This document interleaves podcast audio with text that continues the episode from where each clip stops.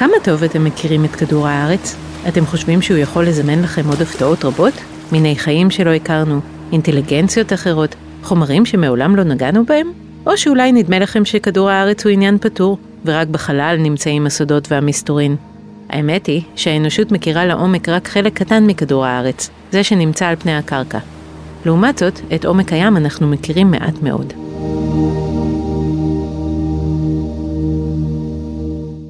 היי, ברוכים הבאים לפרק נוסף של הפודקאסט חזית המדע. בכל פרק אנחנו מספרים סיפור מפתיע אחר על הטבע שלנו. אני גלי ויינרב, והיום נצלול לעומק הים ונבין מדוע כל כך קשה לחקור אותו. נגלה מהן הוונטות התת-קרקעיות, ומדוע הן שינו בשנים האחרונות את כל מה שחשבנו שאנחנו יודעים על הים, ולמה הוא הרבה יותר מעניין ומגוון ממה שחשבנו. אולי הוא יותר דומה שם למטה לחגיגת הצבעים של בובספוג מאשר לחושך הקר ונטול החיים שפעם נטו לייחס לים העמוק.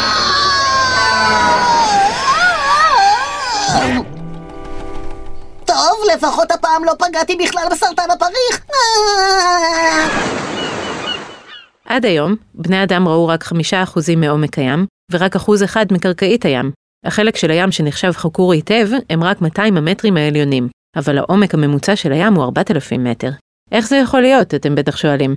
איך זה שהים שהוא כל כך קרוב, הוא בעצם כל כך רחוק מאיתנו?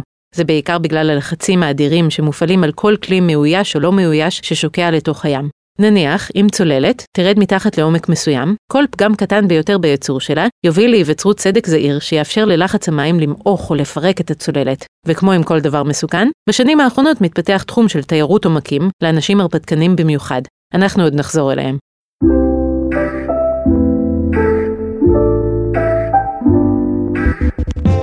תחילת המאה ה-20 הניחו חוקרי הים שהשמש היא המקור לאנרגיה של כל חי על פני האדמה, ולכן חיים בעומק הים לא יכולים להתקיים. הצלילה המאוישת הראשונה למעמקים של מעבר לכמה מאות מטרים כבר רמזה שאולי זו הייתה טעות. בשנת 1931, הזואולוג ויליאם ביבי, אין קשר לבנימין, ושותפו אוטיס ברטון נכנסו לתוך כדור פלדה שקראו לו בת'יספיר. הם רצו לצלול לעומק של שלושה קילומטרים, בערך שלושת רבעי מעומק הים הממוצע, ובערך שליש מהנקודה הכי עמוקה. אז ביבי וברטון ישבו להם שם בתוך הכדור הקטן הזה, וזרקו אותם לים. אה, כן, די חשוב להגיד שהכדור היה מחובר בכבל, שבאמצעותו משכו אותם אחר כך חזרה למעלה. בזמן שברטון היה עסוק בתפעול של המכשיר, ביבי תיאר את כל מה שראה. עולם בצבע כחלחל, אבל מואר במין אור כוכבים, שמגיע מהיצורים עצמם, חלק מוכרים וחלק קצת שונים. צלופחים שקופים, להקות ענק של שרימפס שוחים בתאום לצד יונונים ענקיים. אבל עדיין, את מה שמתחת לעומק שלושה קילומטר, ביבי תיאר כלאו הפעורה של הגיהנום. הוא הניח ששם אין אור ואין חיים. מתברר שגם הפעם זו הייתה הערכה בחסר. כשאתה צולל עמוק, האור בתא הצלילה כבוי ובחוץ יורד מן שלג של חומר אורגני שמגיע מפני הים ונופל לעומק. ומדי פעם אורות זוהרים מאירים במרחב. ככה סיפר פרופסור קרל ספינה, מנחה התוכנית הים עם קרל ספינה בערוץ PBS בארצות הברית. הוא אומר שרק כשצלל לים הבין פתאום שהוא באמת חי על כדור תלת-ממדי. ב-1977 התגלה רכיב קריטי באקולוגיה של עומק הים. קוראים לזה נביעות הידרותרמיות, Hydrothermal Vents. הם מין גייזרים תת-קרקעיים שנובעים מהם מים חמים מאוד. אם אמרנו שלא יכולה להיות אנרגיה בלי שמש, אז פה בדיוק הייתה הטעות שלנו. הנביעות האלה מספקות דווקא הכי קרוב לקרקעית הים, אנרגיה שאליה נמשכים מינים רבים של חי, צומח וחיידקים. הנביעות מספקות גם כימיקלים שהחיידקים יכולים להשתמש בהם בתור מזון. ככה החיידקים מתחילים שרשרת מזון שמזינה בשרשור קהילה שלמה של חיים מסביב לוונטה הזאת. התהליך נקרא כימוסינתזה, כמו פוטוסינתזה, אבל של כימיקלים. זה תהליך שונה לגמרי מהצורה בה נושמות חיות על היבשה. ומכיוון שמקורות האנרגיה והמזון שלהם שונים כל כך, וכך גם תנאי המחיה, חיים שהם יצורים מוזרים מאוד. חלק מחיות המעמקים משנות צורה במהירות, חלקן שקופות, וזאת הסוואה מצוינת. אחרות זוהרות, היצורים האלה מנצלים את האנרגיה שנובעת מליבת כדור הארץ, ומשתמשים בה כדי ליצור אור בעצמן, כמו גחליליות. גם הנביאה בעצמה מפיצה אור, בגלל החום האדיר שלה. האור נחוץ לא רק לאיתור מזון, אלא גם לתקשורת, כי בכל זאת, קול הוא כנראה אמצעי תקשורת פחות מוצלח במים. יכול להיות שהתקשורת בין החיות האלה היא תקשורת מורכבת, מה שנקרא אינטליגנטית? ספינה אומר שאם כן, יהיה לנו מאוד קשה לגלות ולפענח אותה. או בקיצור, אין לנו מושג. הרוב המוחלט של המינים בעומק הים הם יצורים קטנטנים ולא מורכבים, אבל יש גם אחרים. למשל, יצורי ענק ודגים בני מאות שנים שמתרבים לעיתים רחוקות. לכן הם משקיעים לא מעט משאבים בכל צאצא, כמונו. כמובן, הם חייבים להיות עמידים מאוד בלחצי המים. הרי בן אדם שנקלע למקום כזה בטעות וללא הגנה ייקרא לגזרים מיד. אבל היצורים שחיים שם עמידים ללחץ. מה שמפתיע זה שהם אמנם יכולים לשאת לחץ מים חזק מאוד, אבל הם לא חייבים אותו. הם לא נקרעים מלחץ פנימי כשהם עולים קצת יותר גבוה בתוך הים. אם ככה, אז ניתן בעקרון לדוג אותם ולהעלות אותם למעבדות שלנו לצורך מחקר, בלי להזיק להם יותר מדי. אבל עד היום רק מעטים אותרו ונלכדו עבור מחקר. מהיצורים שכן נחקרו עד היום למדנו כמה דברים מעניינים. פרופסור אנטוני קוסלו ממכון מחקר הימים סקיפס ומחבר הספר The Silent Deep, מספר שיצורי הים התפתחו לאורך מיליוני שנים, הרבה יותר זמן מאיתנו. יש להם אסטרטגיות הישרדות מרתקות, שאנחנו לא מכירים בכלל. אבל, כל מה שהם עושים משתמש בחומרים שקיימים בעולם שלנו. לכן יכול להיות שנוכל ללמוד מהם גישות יעילות גם לכימיה והביולוגיה של החיים שלנו, כמו שאנחנו לומדים מחיות אחרות בטבע. עוד דבר שאנחנו כבר יודעים על היצורים שחיים בעומק הים, הוא שהם תלויים בחיידקי המעי שלהם, עוד יותר מבני אדם לצורך עיכול מזון. לפעמים אין להם מעי בכלל, הם מין שק כזה עם פה ואחוריים, ובכל האזור שבאמצע חיה קהילת חיידקים, שמעכלת את המזון בשבילם ופולטת לתוך הגוף את החומרים שהם צריכים. נשמע מגעיל, אבל החיידקים האלה הם בעצמם עולם שלם שגם אותו אפשר לחקור. האם הם מסוכנים לבני אדם או דווקא מועילים, ומה התרומה שלהם לאקולוגיה של כדור הארץ. עד היום עוד לא נחקר אפילו הקצה של הקצה של העולם הזה. איך מגיעים בכלל לחקור יצורים כאלה? בהקשר הזה כדאי להגיד תודה לחברים שלנו הלוויתנים. הם יודעים לרדת לעומק הים, לאכול כל מיני יצורים שחיים בו, ואז לעלות אל החוף ולמות שם, הפעם לא באשמתנו. בני אדם מנסים להציל לוויתנים שנקלעו לחוף. אבל אם זה לא הולך, אפשר לבדוק מה יש לו בבטן, ולפעמים זה יהיה משהו מהמעמקים.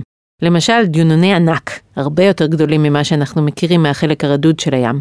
ואם זה דיונון צעיר שהלוויתן הצליח לאכול, אולי יש לו אבא ואמא גדולים יותר ממנו, אולי יש שם דיונונים בגודל של לוויתנים. אם כבר מדברים על לוויתנים, הם לא רק אוכלים, הם גם נאכלים. אחד ממקורות המזון של יצורי העומק הוא כל מה שמגיע מלמעלה, וזה אומר שכשלוויתן מת, הוא נופל לקרקעית ונאכל שם במשך שנים על ידי מגוון יצורים שלעולם לא היו פוגשים לוויתן חי, כי הוא לא מגיע עמוק מספיק. לוויתן אחד יכול לספק לקהילה ימית כזאת מזון ל-50 שנה, אבל אם הוא זוהם בגלל הפעילות של בני אדם, הזיהום יכול לעבור הלאה ליצורים של הקרקעית. ואם אוכלוסיית הלוויתנים נכחדת, גם חיות העומק רעבות. בספר The Octopus's Garden, חוקרת הימים והצוללנית פרופסור סינדי ון דובר מאוניברסיטת דיוק בארצות הברית, מסבירה שאנחנו מזהמים את הים גם בדרכים פשוטות יותר. כשכבר הגיעו כלי צלילה מאוישים או לא מאוישים לקרקעית, הם גילו שם השפעה של בני אנוש. ון דובר סיפרה שפעם ראתה באמצע שונית אלמוגים נידחת ויפהפייה, אסלה של שירותים שמישהו השליך מספינה. אם זרקתם פעם איזו נעל אור או גופה מספינה ששטה באוקיינוס, יכול להיות שאוכלוסיית גיגוני העומק מכרסמת בה עד היום. אז איך זה משפיע עליהם, ועל כדור הארץ בכלל? אנחנו לא יודעים, ולא בטוח שאנחנו רוצים לגלות. ובכל זאת, דל סיגריה שנזרק פה ושם הוא הצהרה הקטנה יותר. הצהרות הגדולות יותר הן שינויי האקלים, קידוחי הנפט והקריאה וגם דיג לא מבוקר. חשוב להגיד שקריאה ודייג הן לא רק בעיות, אלא גם הזדמנויות כלכליות גדולות, תלוי את מי שואלים ומאיזו נקודת מבט מסתכלים. אם באמת קרקעית הים עשירה כל כך, אולי היא יכולה לספק את הצורך הגובר של בני האדם במזון ובעיקר בחלבון, שזאת אם לא שמתם לב, סוגיה די בוערת על פני כדור הארץ. אז למרות שאנחנו לא יודעים כמעט כלום על קרקעית הים, יש כבר מי שרוצה לעשות מזה כסף. לעומת צלילת מחקר שעולה 30 אלף דולר ליום, קל יותר לתכנן רשת עמידה בלחצים, לזרוק אותה לקרקעית ולגרד איתה קילומטרים של קרקעית, תוך כדי הרס מסיבי של שוניות אלמוגים תת-קרקעיות ובתי גידול אחרים, שאין לנו שמץ של מושג מה חשיבותם לאקולוגיה הימית. העיקר שבסוף מעלים כמה דגים. התעשייה מקדימה את המדע כי הפרנסה של הדייגים האלה תלויה בזה. דייגי מעמקים משתמשים במכשירי סונאר שאומרים להם איפה נמצאות אוכלוסיות דגים גדולות. רוב הדגים מעומק הים לא מתאימים למאכל, אבל דייגי המעמקים איתרו דג אחד שקוראים לו אורנג' רפי, ודגו אותו עד שהוא כמעט נכחד. הדייגים הראשונים שהעזו לצאת רחוק לאוקיינוס ולהטיל את הרשתות המיוחדות שמאפשרות לדוג את הדג, יכלו לחזור הביתה עם שלל בשווי של מיליון דולר ביום. זה תמריץ לא רע להתגבר על הבעיות הפיזיות של דייג המעמקים. אבל לדגי המעמקים יש מחזור חיים ארוך. זוכרים שאמרנו שהם מתרבים לאט ומשקיעים בכל צאצא, כמונו? כלומר, אם תפסתם דג בוגר, ייקח הרבה יותר זמן עד שדג צעיר יחליף אותו. לכן קל מאוד להשמיד אוכלוסיות שלמות של דגים כאלה.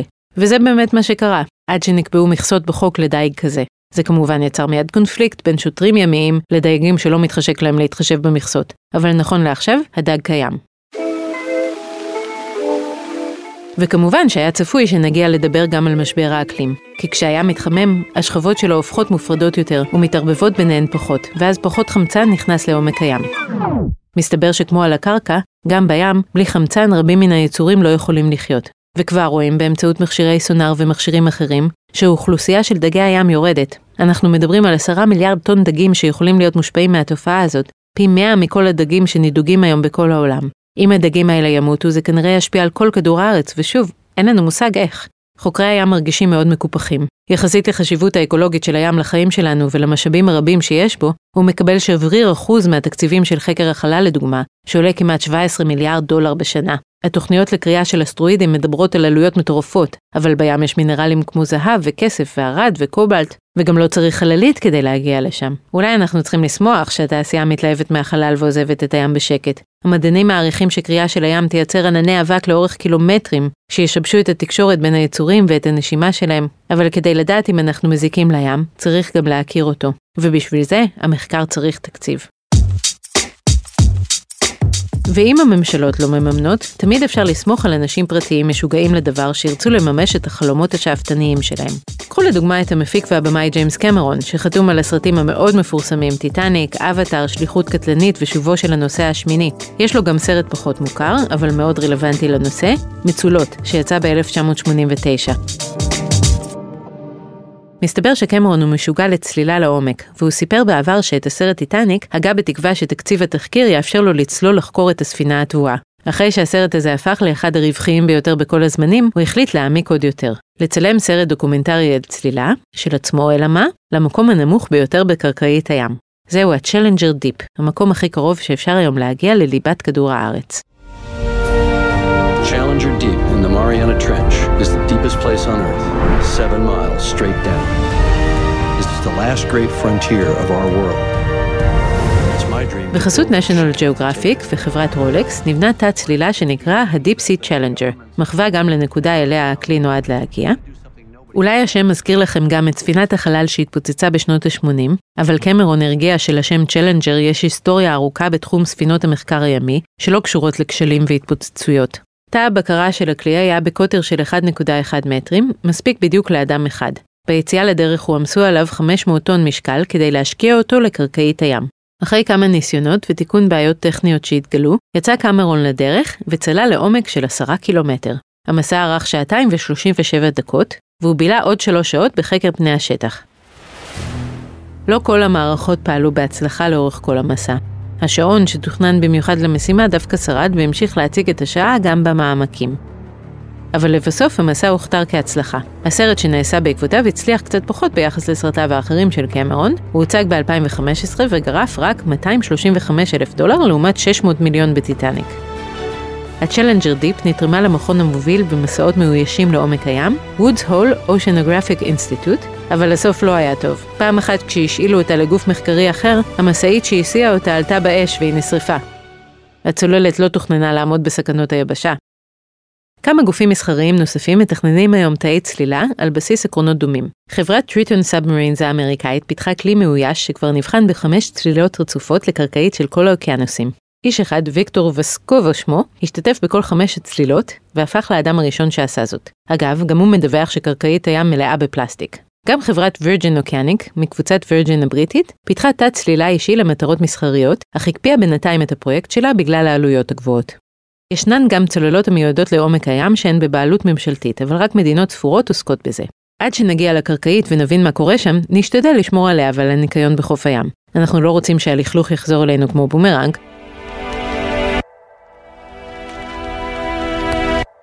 עד כאן חזית המדע להיום. אם אתם רוצים להעמיק, אתם מוזמנים לעקוב אחרינו באתר גלובס או באפליקציית הפודקאסטים האהובה עליכם, ולשמוע את הפרקים הנוספים שלנו שאולי פספסתם. צפוי לכם ים של הפתעות. אם אהבתם, נשמח אם תדרגו אותנו עמוק, כלומר גבוה, ב Apple Podcast. וגם תגיבו ותגידו מה דעתכם. ואם דיברנו עד עכשיו על המצולות, לפני שניפרד אני רוצה להמליץ לכם על פודקאסט נוסף מבית גלובס, הצוללת. נבחרת הכתבים שלנו צוללת לעומק הסיפורים החברתיים-כלכליים שעל סדר היום. תודה לעורך הפודקאסטים רון טוביה ולניב בן אלי על הסאונד, אני גלי ויינרב, ביי.